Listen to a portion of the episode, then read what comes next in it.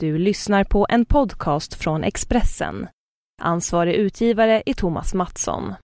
Fler poddar hittar du på expressen.se podcast och på iTunes.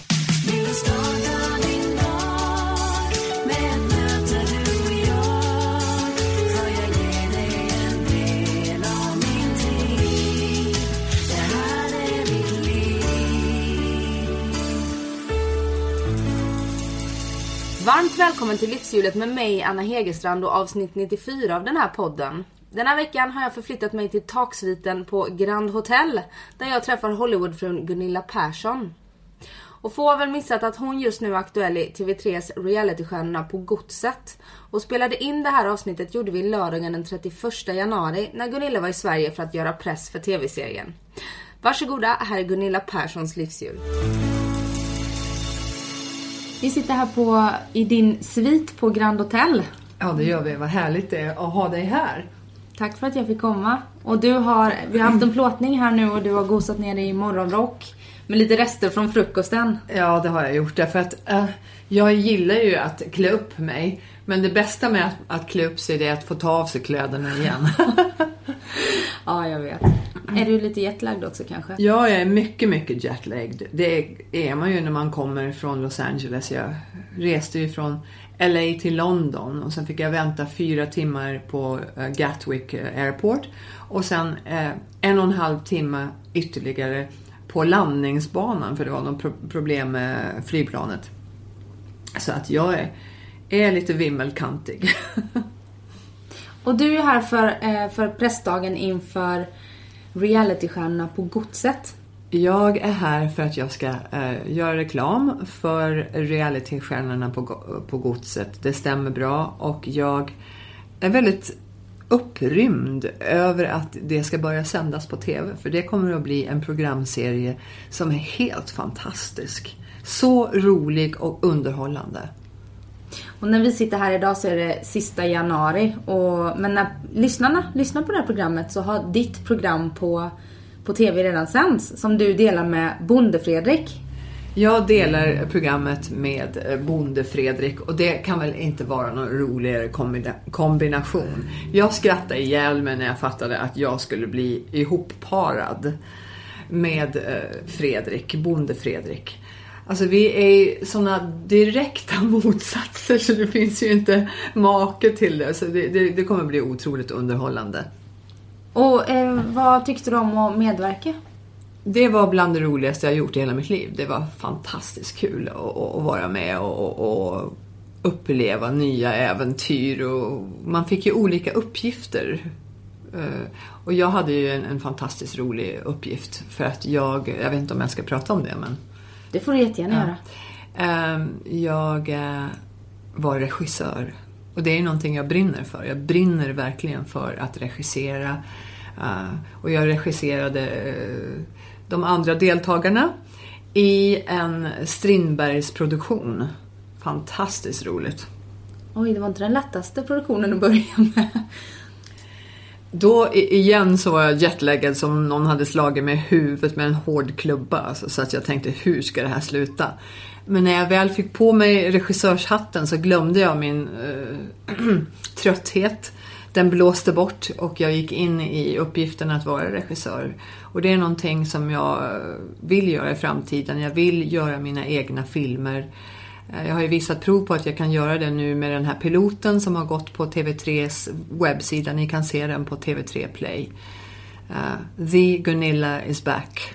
Och uh, det är bara att gå in och titta på den. Det jag visar prov på att jag kan sätta ihop en film, för det är någonting jag brinner för. Inte bara skådespeleriet, man, man ska inte säga bara, för det är en stor uppgift att klara av att, att skådespela. Men även att sätta ihop filmen sedan och, och, och och göra en färdig produkt. Det är någonting som är fantastiskt kul. Och det är den, den filmen som vi har fått läsa om att du spelar, eh, nu ska vi se, alla rollerna själv. Ja, det är inte så många roller utan det är två roller jag spelar själv i mm. mitt manuskript. Hid Hidden Agendas, som det heter. Och det är en mordhistoria. Och där eh, spelar jag båda rollerna. Och varför gör jag det? Jo, det är därför att jag var under press på att göra den här produktionen snabbt. Och jag kunde inte hitta en bra skådespelerska på nolltid så jag tänkte ah, jag kan rollerna uh, själv så jag, jag, tar till mig båda två. Och gör, uh, klipper ihop det på ett sådant sätt så man inte direkt ser att jag spelar båda rollerna. Och det, det var också en utmaning. Hur långt är du i arbetet med filmen? Jag har skrivit manuskriptet. Det är färdigt och har legat färdigt i åratal. Det här var ju ett manuskript, Hidden Agendas var ett manuskript som jag skrev på 90-talet. Um, ehm, mycket inspirerad av att jag blev uh, så otroligt uh, skakad av den relation jag hade till mi mitt ex. Eh, så jag var väldigt fylld av massor med starka känslor och allt det här kommer in i den här mordhistorien. Så det blev så intensivt så att när jag satt, eh, vi bodde då på Turks and Caicos Islands i Västindien och när jag satt där vid havet eh, på natten så vågade jag inte skriva. för det, blev för farligt för mig själv, alltså jag vågade inte. Så jag var tvungen att omringa mig med folk på dagarna och, skriva. Så ruskig är historien. Den här relationen till ditt ex, var, det, var, var han våldsam eller? Mitt ex var inte alls våldsam men vi var i en eh, breaking up stages. Vi var i, i ett stadium av, av, vårt förhållande där vi, vi, inte var lyckliga och vi höll på att bryta upp från vårt förhållande och det här skapade mycket intensiva känslor så jag drog mycket av mitt state of mind och, och satte in det här i den här mordhistorien. Och sist vi träffades, det är ett och ett halvt år sedan nästan nu. Ja, vi träffades för ett och ett halvt år sedan, det stämmer ja. Ja, jag läste igenom min intervju med dig. Eh, och då så pratade vi bland annat om din bok, The Gunilla. Och då sa du, fråga mig om ett halvår igen hur det går med den. Så nu frågar jag dig ett och ett halvt år senare, hur går det? Jag är inte färdig med boken. Jag har varit så upptagen med att filma och eh, massor med andra åtaganden. Så jag har inte haft tid att skriva färdigt boken. Jag har haft ett par spökskrivare som har eh, nästan auditioned för mig och sagt så här, jag vill skriva, här skriver jag, här har du prov på hur jag skriver. Men jag tyckte att de skrev dåligt.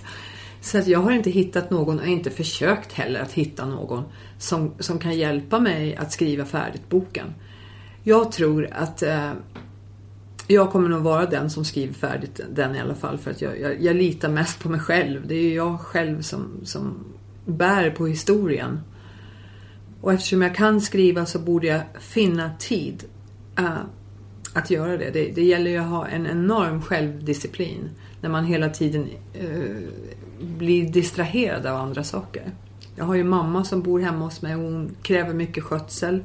Jag har svårt att få tag i vårdgivare för mamma. Så oftast så tar jag hand om mamma själv och det är ett heltidsarbete. Sen har jag Erika som söker in på en annan skola. Och det har också varit en, ett eh, väldigt intensivt arbete att, att eh, gå igenom allting som hon måste göra. Intervjuer i skolorna, eh, tester och, och allt som man måste förbereda ett barn för. Så det har inte funnits tid men jag hoppas nu att till hösten kommer jag att kunna presentera mitt eh, mästerverk. 2015 är ju ett år, sa du själv, som du kommer synas mycket i rutan. Det är både realitystjärnorna, det är Hollywoodfruarna. Kan vi också avslöja att det blir en, en säsong till som du medverkar i? Det finns ingen anledning för TV3 att uh, lägga av deras flaggskepp, det är ju svenska Hollywoodfruar. Självklart blir det en ny säsong. Och jag kan avslöja att den här säsongen blir helt enastående. Eh, I särklass den bästa. Därför att ja, jag har ju hela tiden tagit på mig själv att jag måste vara mer nöjd med en ny säsong än vad jag var med den förra. För jag har krav på mig själv. Och jag, jag, tror att, att det här, ja, men piloten var ju också fantastisk. Den, den var ju bra. Så jag tror att uh, den här säsongen kan jämföras med den tidigare uh, säsongen. Att de är ungefär lika bra. Var det självklart för dig att tacka ja när TV3 frågade om att medverka i en ny säsong? Om det är självklart för mig att tacka ja? Jag tänker, du, ju, du är ju den av Hollywoodfruarna som alltid är mest i blåsväder. Och eh, du har, du har flera av de andra fruarna som, som ni inte drar jämnt och sådär. Känner du att, aldrig att påfrestningen blir ganska stor under inspelningarna och, och efter och sådär? Jag tycker att du är den mest äh, känsliga och mest äh, uppriktiga journalisten jag någonsin har träffat. Att du frågar mig på det viset visar att du förstår mig och förstår vad jag måste gå igenom. För det är helt klart att jag blir mobbad i varje säsong. Och jag ifrågasätter underhållningsvärdet i att mobba någon.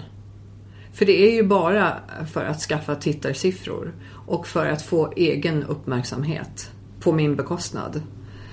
Och eh, jag uppskattar att du ger mig den frågan och eh, jag kan svara så här att nej, det är inte självklart att jag ställer upp till varje säsong. Vad var det som fick dig att ställa upp den här gången då? Jag tycker att det är så roligt att jag får tillfälle att visa vad jag kan göra eh, konstnärligt.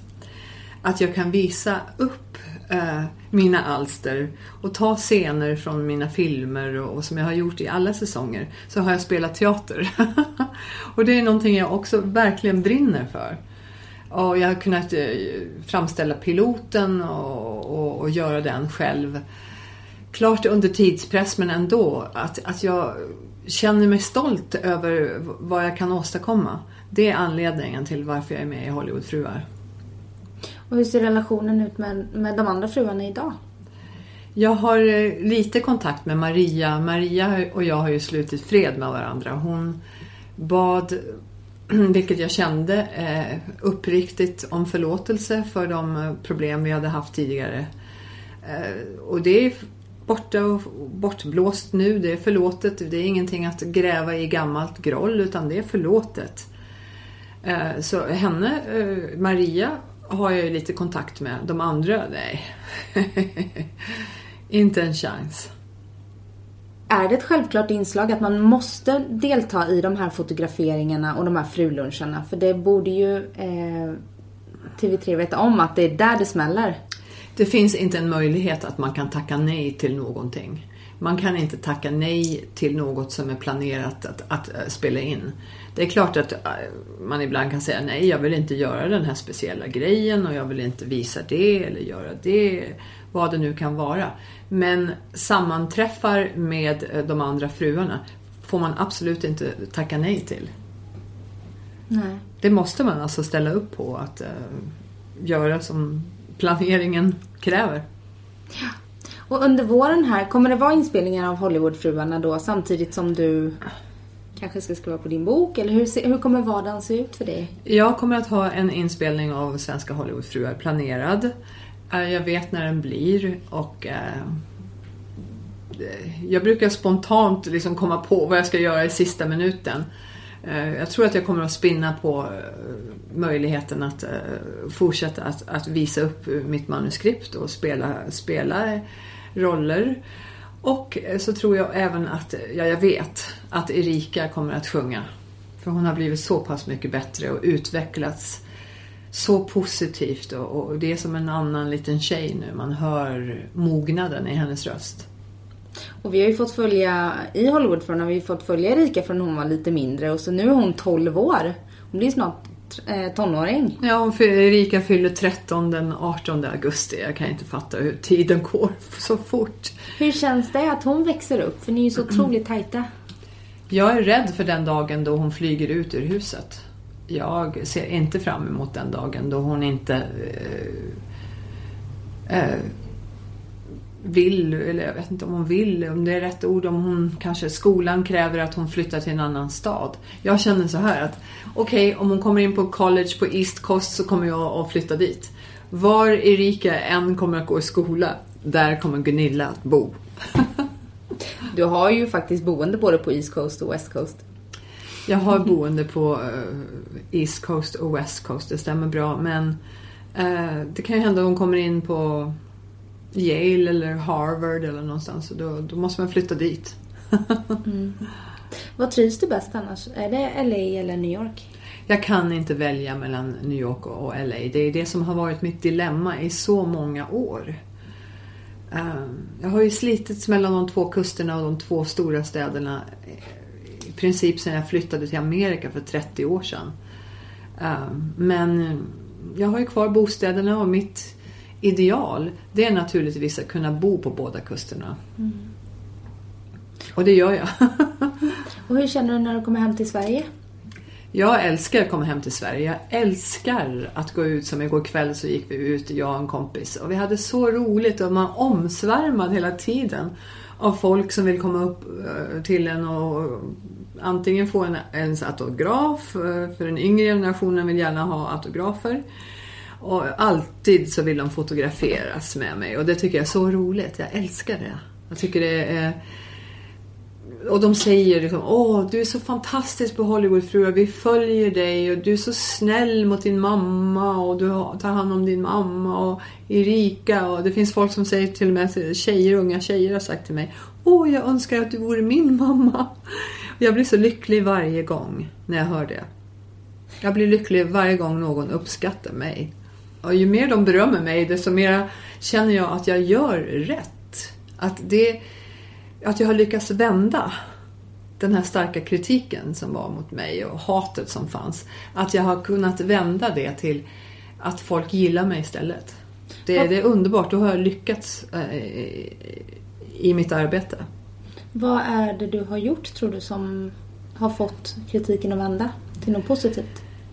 Jag tror att jag ger väldigt bra intervjuer. Uh, när jag blir intervjuad så tror jag att, uh, och, och, och, när en journalist skriver på rätt sätt och, och rättvist, ibland blir, kan det bli fel och så, men, men för det mesta så skriver journalisterna väldigt bra och då kommer jag fram mera, min röst kommer fram och vad jag tycker och tänker uh, blir hört. Tycker du att det klipps ihop till din nackdel i Hollywoodfruarna då? Att det är där kritiken eh, börjar eller? Kritiken av mig har ju börjat i naturligtvis hur jag har blivit porträtterad i Hollywoodfruar. Mm. Eh, många gånger så eh, har det ju varit felklipp. Eh, det har varit, jag, jag är ju filmskapare själv så jag ser ju precis vad de gör. Jag ser hur man förstärker en känsla till exempel att jag är arg, att det blir argare, att det blir mera galet och allt Jag har många exempel på hur jag i en intervju har blivit eh, ställd en fråga och sen så har frågan eh, det jag säger klippts ihop med någonting som inte stämmer med verkligheten. Jag kan ge ett exempel. Ehm, jag eh, älskar ju djur och Erika älskar djur. Vi har räddat två katter. Tusse kommer från ett shelter i New York och Lulle kommer från ett shelter i Los Angeles. Ehm, när jag skulle eh, adoptera lilla Lulle så var han så liten så han satt med sina bröder i en bur. Och de var så små. Så då frågade damen som skulle ge mig katten då att eh, kan du ta alla tre? Mm. Därför att de är för små för att separeras. Ja, säger jag. Men jag kan inte ha tre katter till utan jag måste bara ha en katt till. För vi reser alltid och Erika och jag, vi tar alltid med oss katterna var vi än reser. När Erika var med mig till Sverige så hade vi med oss katterna också. Mm. Så att vi kunde inte resa med mer än två katter, annars hade vi tagit allihopa. Så att det var liksom förstått att jag skulle lämna tillbaka de andra två katterna. Den ena av katterna, kattungarna fick diarré. Och då blev jag eh, ställd frågor om diarrén och så vidare. Och sen så klipptes det ihop att jag lämnade tillbaka den ena kattungen på grund av att han hade diarré. Och, och det är sådana saker som jag blir så sur på för att jag tänker, nej vad ska folk tro om mig? Här är jag och tar hand om min sjuka mamma och, och ta hand om alla hennes behov. Och jag ska ge tillbaka en kattunge för den här diarré. Det ser ju mig att se hemsk ut. Men alltså det, jag förstår inte det. Det, det, det förstår jag inte. Men på senare, eh, senare episoder så ser jag att jag har klippts till min fördel. Det har, eh, hela Eh, förloppet har ändrats och att jag mer och mer klipps till min fördel. Som nu, eh, sista säsongen i sista avsnittet då Britt Ekland går emot mig stenhårt för att jag är försenad för en fotografering. Och det kan jag tala om varför jag var fotograferad, eller var försenad också. Men jag går ju ut som segrarinna. Jag är den som segrar i slutet. Och det, det är underbart att se att, att, det, att det blir så. Alltså. Ett annat exempel på att jag framställs eh, ofördelaktigt det är att jag har fått stämpel på mig att jag alltid är försenad. Ja, men det finns anledning till det. Ja, det skulle behövas ett bakom kulisserna där. Bakom kulisserna skulle vara fantastiskt att ha någon som styr upp det hela och säger så här går det till verkligen under inspelningarna. Mm. Men jag kan ju tacka Johan Promell, alltså producenten eh, för programmet, har ju varit briljant i det sätt han har eh, skapat mig på något vis. Jag är ju den jag är men ändå så har ju mina sidor förstärkts genom vad han har skapat. Eh, om det här till exempel att Erika kräktes och jag bad till Gud och Jesus och att jag sa att det var Jesus som gjorde att hon kräktes och jag fick en enorm mediastorm runt omkring mig och det var så många kända personer som gick emot mig då. Hade de här tillfällena inte porträtterats på TV så hade jag nog kanske inte suttit här och varit så eh, rikskänd som jag är. Så mycket av det onda som man, man fick genomlida är nu på det goda. Liksom. Det har varit på gott och ont allting. All press är bra press säger man ju. Det värsta för publicitet. Någon, ja, all publicitet är bra publicitet. Det är väl klart att det kan vara. Om man lyckas vända på eh, publiciteten så att den blir positiv. För man är ju den man är och då, då går man ju ut som vinnare. Om man, om man får förklara vem man är helt enkelt. Och det har jag ju fått i pressen och det har ju varit underbart. Det har ju synts väldigt mycket i, i tidningar och på radio och TV och blivit eh, ombedd att åka till TV5 har jag varit två gånger. Jag har gjort Partaj en gång, varit programledare i Partaj vilket var underbart roligt. Där ser de att jag kan spela teater så jag gick ju emot Eva Röse och de andra stora namnkunniga skådespelerskorna i, i Sverige.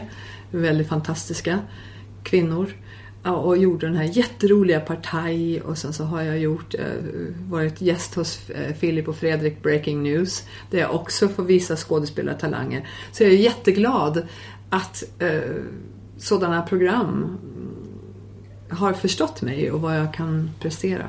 Mm. Och när vi sitter här i en jättestor svit på Grand Hotel med utsikt över slottet. Ehm, ser du dig själv som, som stjärna? Är det här självklart för dig att men det är klart jag ska ha sviten? jag, jag, nej, jag, jag ser väl... Jag, jag, jag, vet inte om jag ser det som självklart att jag ska ha sviten. Ja, jag har väl alltså förmågan att äh, bli vän med rätt personer. Hotelldirektören? ja, jag har alltså blivit vän med äh, äh, Daniel Johansson kan jag nämna på Grand Hotel som har gett mig en fantastisk eh, rosenkreation eh, eh här. Eh, fantastiska blommor eh, ihopsatta som jag fick när jag kom fram eh, trött och så vidare. Så att det är inte TV3 som har ordnat den här sviten utan det är Grand Hotel själva. Hur är det när du går ut? Du lever som singel nu? Ja, jag, jag, lever som singel och jag är jättelycklig singel. Jag är förmodligen den mest lyckliga kvinnan som har varit singel i så många år som jag har varit singel. Jag tror inte att det finns någon som inte hade klagat. Eh, men jag klagar inte. Utan det här är totalt självvalt. Du tror väl att jag skulle kunna skaffa mig en kar om jag ville? Ja, jag tror inte du skulle ha problem att göra det. det känns så skönt och befriande för jag har alltid varit i en relation i hela mitt liv. Sedan jag var 18 år. Alltid. Och det har tyvärr varit dåliga relationer många gånger och det, det är så skönt att vara fri. Härligt.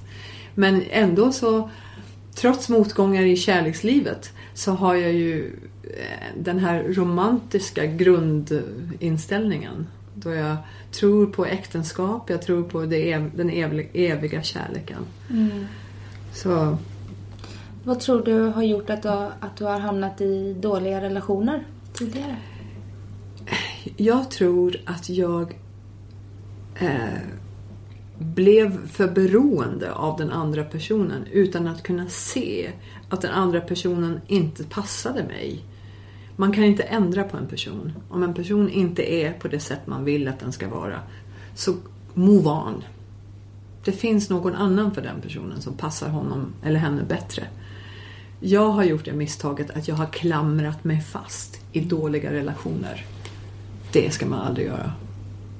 Utan man ska bara ge allt av sin kärlek till någon som verkligen förtjänar det.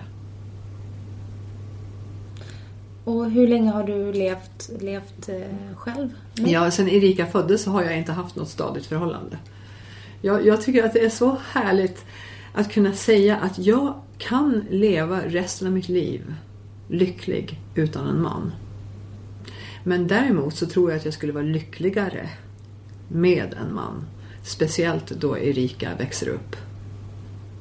Och vad är det för egenskaper du värderar högt hos den här mannen som ska få dig på fall? jag undrar, ju, ju, ju mer man har varit borta från ett stadigt förhållande desto mer så känner man ju då att nej, vad, vad, vad är det som ska kunna, som du säger, få mig på fall? Mm. Det, det måste vara någon som är otroligt snäll. Ja, så här genomsnäll. Som lever för sin familj, som min pappa gjorde. Min pappa är min hjälte, kommer alltid att vara min hjälte. Därför han levde för mig och satte mig på en piedestal. Och jag vill ha, och han levde för min mamma. Och, och, och, och, och brydde sig verkligen om sin familj. Och, och älskade oss. Det var ju bara mamma, pappa och jag.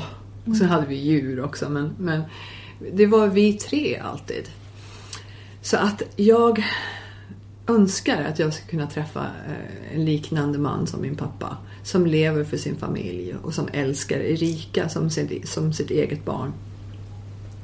Sedan så vill man ju naturligtvis också ha någon som är uh, världsvan, som har varit ute i livet, som har mycket erfarenhet. Någon man kan se upp till som är trygg. Det, det är helt klart. Alltså, man har roligt tillsammans. Det är ju också väldigt viktigt att man har roligt ihop och skrattar mycket. Det gör att ett förhållande räcker livet ut. Att man aldrig har tråkigt tillsammans utan att man hittar på äventyr tillsammans och roliga saker. Mm. Tror du att du kommer träffa den här mannen eller ha möjlighet att träffa den här mannen genom ditt datingprogram? Jag vet att jag kommer att träffa den här mannen. Eh, kanske inte den jag gifter mig med, men jag tror att jag, jag kommer att träffa många mycket intressanta män, män i mitt datingprogram. Och jag vill helst göra det på TV, för nu är jag så liksom van att alltid ha kameran rulla på mig. Mm. Så för mig att, att känna mig fullkomlig nästan, så, så är det bättre om kameran rullar på min dejt än när den inte rullar på dejten. Vad är skillnaden från om den rullar och inte rullar? Det? Äh, det blir mer intensifierat när den rullar. Alltså då, då kommer man more to the point. Man cut all the BS och kommer to the point. Är han bra eller dålig? Kan han få en till chans eller inte? Och jag vill att publiken ska vara med och bestämma det. Jag håller på och eh, arbetar på ett koncept som jag tror att eh, ingen TV-kanal kommer att tacka nej till. Spännande. Alltid nya eh, grejer på G. Jag älskar att ha många bollar i luften. Att, som du. Mm. Eh, all, alltid jobba på nya idéer. Det, det, det ger inspiration i livet och det, det, gör att man alltid on the go och, och håller sig ung tror jag. Jag är ju inte så purung, inte som du. Du, är du, 30? Ja, 32. Ja. Så jag är 56 år. Men um, i och med att jag har Erika som är 12 så håller jag mig väldigt ung. Uh, jag måste ju vara ung och cool, jag kan inte vara en gammal kärring heller. mm. Och då, då var du 44 när du blev mamma? Jag var nästan fyllda 44, ja. Erika eh, föddes i augusti och jag um, fyller på nyårsafton. Just det. Så att jag kan ge hopp till alla kvinnor som är 40 plus och som oroar sig över sin ålder. Ge inte upp utan att fortsätta och, och det, det, kan hända att ett litet mirakel kommer i, i, i brevlådan ska jag väl inte säga. Men att ett mirakel kan födas för det är ju det, det största i livet. Ingenting överträffar det.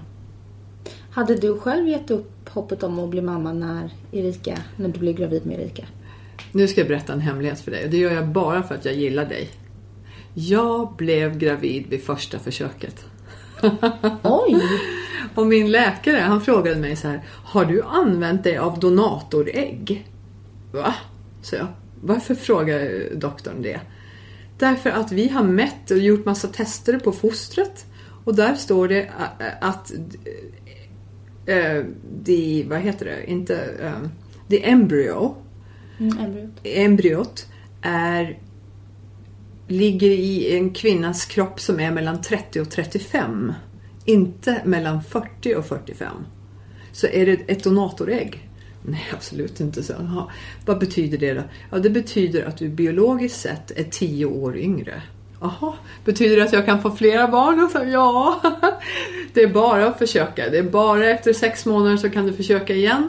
Och sen ja, när, jag, när jag skulle få kejsarsnitt då, när Erika skulle födas, då trodde mamma att jag skulle dö för mamma satt vid min sida. Hon sa så Gnilla Gunilla dör och, och, och allt där. Och hon hade så ont efteråt och jag trodde också att jag skulle dö då. Och då sa läkaren till mig, nej, om ett par år så ligger hon här igen med barn nummer två. Men så blev det inte. Nej, det blev inte så. När man väl får en liten bebis så går man helt upp i skötseln av bebisen och utvecklingen av, av barnet. Så att jag hade ju ingen man. Då var jag tvungen upp och ra, ra, ragga någon och det hade jag ingen lust med. Jag hade inte lust att introducera en man som alltid skulle vara en del av Erikas liv också. Det, det vågar jag inte göra. Även fast jag hade drömmar om ett anna- annat barn. Det är klart, det är roligt för eh, Erika att ha haft ett syskon. Men eh, nu koncentrerar jag mig helt på henne och jag tror att det är bäst så. Vad tror du är... ehm, Finns det några för eller nackdelar med att bli mamma lite senare? Fördelen med att bli mamma senare i livet det är att man har gjort så enormt mycket i livet. Man eh, är inte lika sugen på äventyr som man är när man är ung. Eh, det är fördelen att för mig så var det ju en dream come true. Jag hade ju länge önskat eh, att få barn. Alltså sen jag var 35 hade jag ju liksom verkligen gått in för att hitta rätt man, att eh, gifta mig och att skaffa barn. När det inte gick i den ordningen och att tiden började rinna ut, ja då kände jag nej, alltså nu, nu eller aldrig. Och det blev så härligt som det blev. Och så undrar jag lite, du sa till mig här innan vi satte igång eh, och knäppte på bandaren att du har börjat träna. Ja, det har jag gjort och, och roligt att du tar upp det därför att jag har sagt det tidigare att, att gud vad skönt det ska bli att få slänga av med dessa spanks som jag måste ha på mig när jag ska vara ready for eh, photographs. och för filmande och för gala föreställningar eller vad det nu är för någonting. Då man måste vara vacker. Uh, det ska bli skönt att få slänga av med dessa spanks. Att muskulaturen i kroppen kommer att uh, komma igen och att man blir, genom träning tror jag att man kan bli lika fit som man var i 30-årsåldern. Trots att man har fått barn. Det kanske inte kan bli, eh, jag kan ju aldrig bli lika fin i kroppen som jag var när jag var fotomodell när jag, i 20-årsåldern. Det tror jag inte. Men eh, bättre än vad jag är i alla fall. Och starkare framförallt, mer uthållig. Liksom, mindre trött tror jag man blir om man tränar kroppen. Jag håller på med både styrketräning, eh, simning och eh, pilates. Pilates var någonting som Britt Ekland introducerade mig för. Och det kan jag tacka henne för, för det var någonting jag verkligen gillar. Jag ser att alla människor vi möter i livet bidrar med någonting. Ja, hon bidrog, bi, Britt Ekland bidrog med pilates, så tack Britt. Och hur ofta kör du med din personliga tränare? Eh, två gånger i veckan eh, har jag hållit på nu. Eh, målet är väl kanske tre gånger i veckan men två har varit det enda jag har hunnit med hittills. Mm. Och eh, hur äter du? Är du duktig Jag med din äter, kost? jag, jag äter bra. Jag äter eh, nyttiga saker. Jag är väldigt mån om vad jag äter. Däremot så slänger jag i mig en tårtbit då och då. Så jag, det första jag gjorde när jag, när jag landade på Arlanda det var att beställa en prinsesstårtebit. det gick ju inte att motstå. Så jag, jag fuskar ganska mycket tyvärr. Är det den lyxen du längtar efter när du kommer till Sverige, prinsesstårta? Jag älskar prinsesstårta, jag älskar... Eh, ibland så blir man sugen på en, bara en varm korv med bröd och senap och ketchup och skivad gurka. Sådana saker och ostbågar och, och, och sånt som man... Uh, ja, det, jo men jag äter bra. Det gör jag. Jag går in för att äta mycket sallad, mycket grönt, mycket fibrer. Omega-3 är ju en viktig, ett viktigt tillskott. Jag äter mycket fisk. Jag är inte vegetarian för det tror jag inte på. Jag vet inte om, om... Jag tror man måste vara väldigt försiktig med att man får i sig vad man behöver i form av, av kolhydrater och protein. Jag tror heller inte på Atkins-dieten eh, där man tar bort alla kolhydraterna. Jag har gjort det tidvis och det är farligt tror jag för att man kan bli sjuk tror jag om man inte får kolhydrater. Kolhydraterna ger ju energi. Men får man i sig för mycket kolhydrater och inte gör av med den energi så lagras det ju socker i kroppen och det är då man blir tjock. Mm. Så man får akta sig kanske lite för kolhydraterna. Akta sig för potatis och ris och bröd. och pasta och andra saker. Ja, det är ju så gott bara. Ja, det är ju så gott. är det viktigt för dig? Är utseendet viktigt för dig? Det är klart att utseendet är viktigt för mig. Det har ju, jag har ju levt på mitt utseende. I 15 år var jag professionell fotomodell så att eh, självklart eh, är utseendet fortfarande viktigt för mig. Men den riktiga skön, skönheten kommer ju inifrån. Har man eh, ett perfekt utseende men är kall och hård inombords så syns det. Alltså själen lyser igenom. Så det eh, är viktigt att man kommer ihåg att man kan åldras med värdighet men ändå vara vacker. Man behöver inte plastikopereras. Man behöver inte ta bort alla rynkor utan det är en del av åldringsprocessen. Är du emot eh, plastikoperationer och ingrepp? Jag har alltid varit emot plastikoperationer, alltid varit emot botox. Eh, jag ska inte avslöja saker och ting som händer men, men det är faktiskt så att jag, jag tror inte på det. Du är Utan ganska jag, ensam i gänget där av Hollywoodfruarna. Och jag är helt ensam. Det är ingen som inte har gjort någonting. Utan eh, det är bättre att, att, att låta Eh, naturen har sin gång. Men om man är verkligen olycklig och ser fruktansvärd ut så kan det väl finnas undantag. Jag säger inte det. Jag är inte så här enormt principfast så att man aldrig kan mm, ja, tycka att det var okej okay att ha, ha, haft en operation till exempel. Men att göra det för mycket i, när det egentligen inte behövs, det, det, det tycker jag är förfärligt. Man ser ut som en mask istället för att vara vacker. De vill vara vackra men, men tyvärr så är de egentligen fulare. Och just att, att bli äldre när utseendet är så pass viktigt, hur känns det? Det är klart att man har en fasa över att man en dag ska vakna upp och inte vara fotogenik. För jag kan säga alltså med, med eh, ganska stor övertygelse att jag fortfarande är mycket fotogenik. Och det är väl tack vare min bone structure av ansiktet med höga kindben och, och, och, och andra attribut som jag har. Men eh, man ser på min mamma. Hon fyller 90 år nästa år och har inte en rynka i pannan. Mm. Så att jag har ju bra gener så det, jag får, får be till Gud att man fortsätter att, att vara fotogenik. och jag tänker att vi ska avsluta den här intervjun med att sätta lite konkreta betyg på livshjulet så som okay. det ser ut för dig just nu. Eh, och det är ju mellan 1 och 10 och där 1 är sämst och 10 är bäst. Och det är som det känns just här idag när vi sitter här. Eh, och då börjar vi med kärlek och då är det främst en eh, kärleksrelation till, till en partner. Ett. Hur motiverar du det? Därför att jag har ingen eh, kärleksrelation. Saknar du vissa, du säger att du är lycklig som singel, men saknar du vissa delar som, eller de här delarna som man inte kan få med någon annan?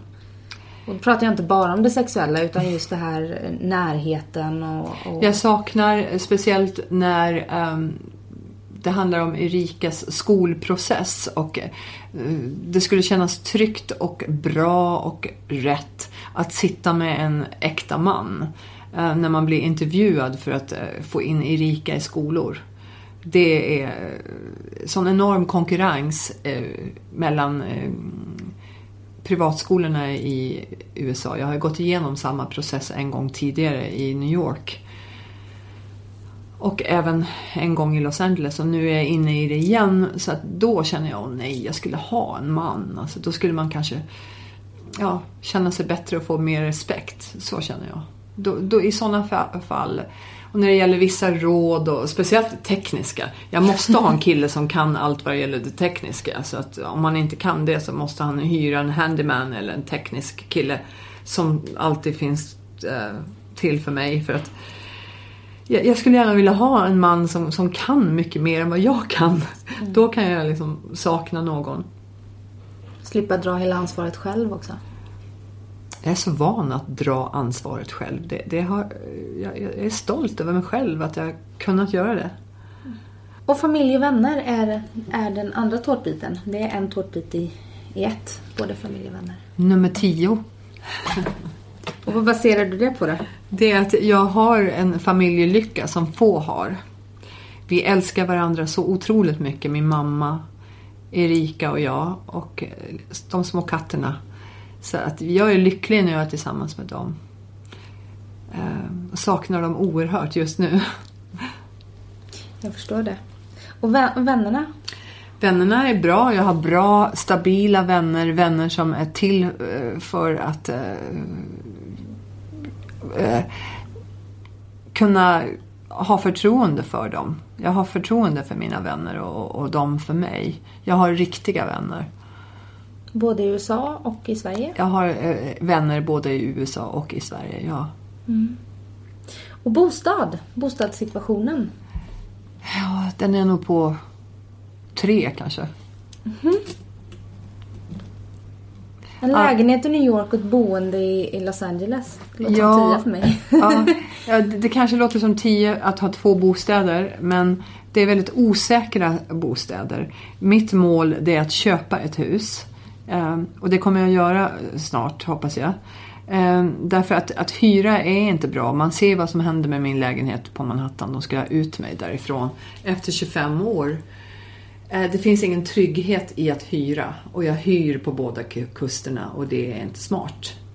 Finansiellt sett är det helt bedrövligt. Min eh, financial advisor han säger till mig Ge upp Manhattan, ge upp Manhattan. Du kan inte sitta och, och betala hyror på två ställen. Men, Men kan man inte hyra ut lägenheten när Jag du får inte, inte hyra ut lägenheten längre på Manhattan. Det var det som var det stora eh, problemet mm. delvis med min hyresvärd på Manhattan. Så nu har jag en lägenhet som står där och kostar pengar bara. Och som jag sällan är i. Nu kommer vi att åka dit på sportlovet. Erika och jag ska dit nu i mitten av februari. Men eh, nej, det, det, det är stora omställningar som jag måste gå igenom 2015 då jag förmodligen kommer att ge upp min lägenhet. Om jag inte vinner i mitt mål mot äh, världen där kontraktssituationen kommer att bli helt annorlunda. Hur känner du inför det? Jag, om jag vinner mitt mål så kan jag bevisa att jag äh, äh, kan bo där resten av mitt liv. Att det var rent stabilization när jag först skrev ett kontrakt med min ex. Och att jag eh, kommer få betala mindre i hyra än vad jag gör. Då eh, är det okej okay att fortsätta ha lägenheten. Annars är det inte det. Då tjänar man väl nästan på att bo på hotell när man väl är där? Absolut. Jag kan bo på en stor svit på Waldorf Astoria eh, de eh, veckor som jag är i New York och ändå eh, spara pengar. Ja, det låter som en bra deal. och jobb och karriär just nu? Tio. Nej, kanske inte tio. Nej, inte tio. Även fast jag är glad över vad jag gör och stolt över vad jag har gjort. så tror jag att, att jag ska väl kanske säga en sexa eller sjua. Därför att jag har ju så mycket mer i karriären som eh, i övrigt att önska så att säga. Men jag är på, på stort språng i alla fall. Vi kommer få se mer av dig framöver menar du? Ja, ni kommer få se mycket av mig. 2015 kommer att vara det år då The Gunilla visas mest i rutan. Och ekonomi? 2014 var ett fantastiskt år för mig. Så jag kan väl säga... Eh, ja, igen vill man ju inte säga en tia för då skulle jag sitta på 10 miljoner dollar eller någonting sånt. så jag säger väl en sexa kanske. Är du trygg i din ekonomi? Känner du att du har det du behöver? Jag vill inte svara på den frågan. Men jag måste i alla fall fråga vad du köper för dina pengar. Ja, det kan du fråga. Ja, kära någon, jag köper mycket till Erika. Gör jag. Och jag köper eh, ofta på rea. För jag älskar att gå och handla på rea och köpa eh, speciella saker. Som nu har jag precis inhandlat en eh, Moschino-väska. Som är eh, jätterolig för den ser ut som en, en jacka. Alltså med en krage och så. Röd med en härlig guldkedja. Um, och jag, jag köper lite udda saker som, som är speciella som ingen annan har. Och jag, jag älskar att köpa klänningar. Jag har alldeles för många klänningar. Så att jag har, måste ha en storage i Los Angeles för att få rum med mina kläder. Och jag har även en storage på Manhattan. Så att eh, jag har en, en enorm massa kläder. Och jag är alldeles för... Jag vet inte, jag, jag blir fästad vid, vid mina klänningar. Så jag vill inte ge bort dem heller. Eller göra mig av med dem och sälja dem. Utan jag, sparar på dem och tänker att ah, de här kan Erika ha sen. Jag har Chanel, Dior, Yves Saint Laurent som jag absolut inte kommer in i. Som jag hade på 80-talet.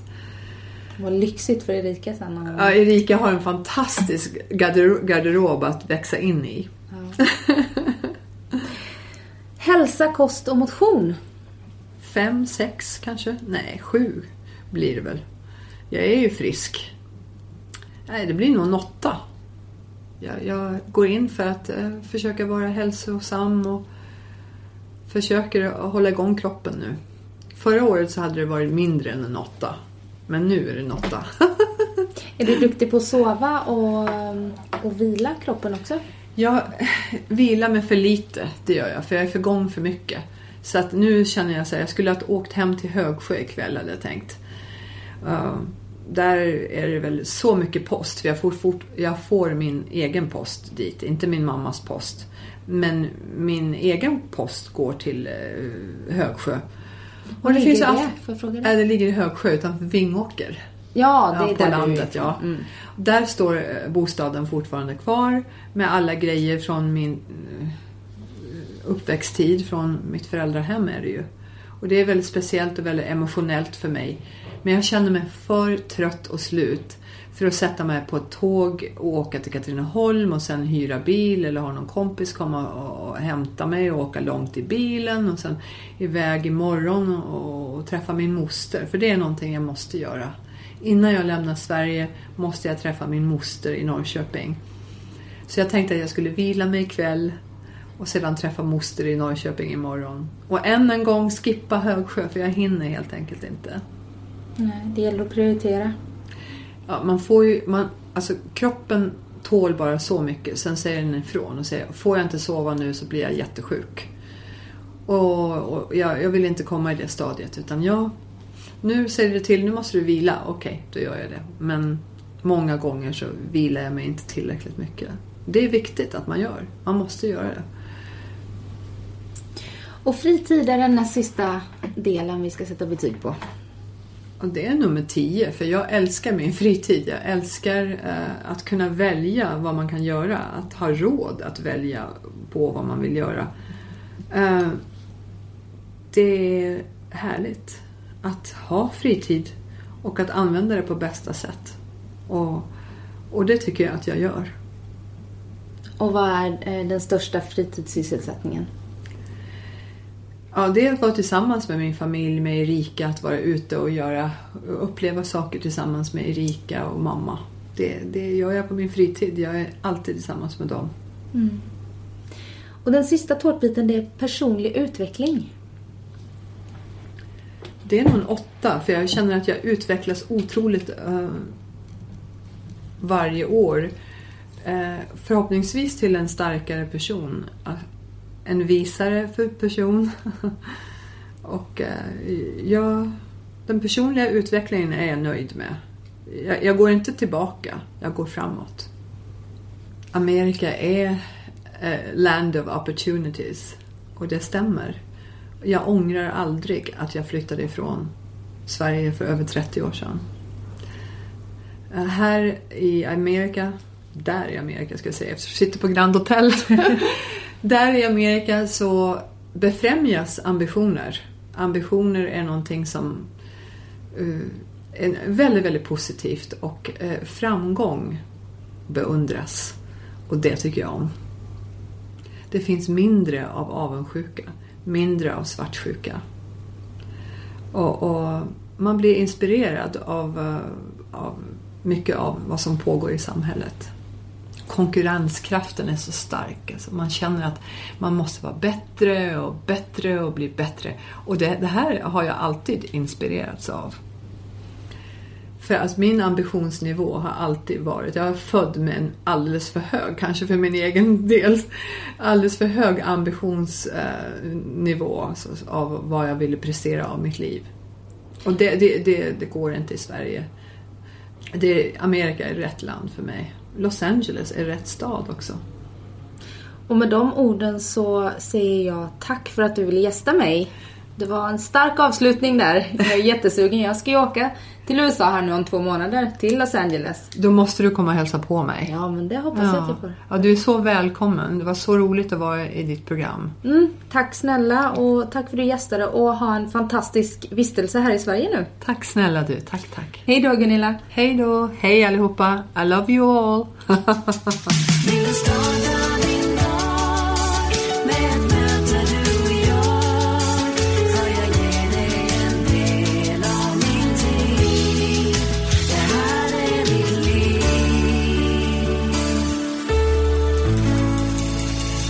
Du har lyssnat på en podcast från Expressen. Ansvarig utgivare är Thomas Mattsson. Fler poddar hittar du på expressen.se podcast och på iTunes. Dåliga vibrationer är att skära av sig tummen i köket. Ja! Bra vibrationer är att du har en tumme till och kan scrolla vidare. Få bra vibrationer med Vimla. Mobiloperatören med Sveriges nöjdaste kunder enligt SKI.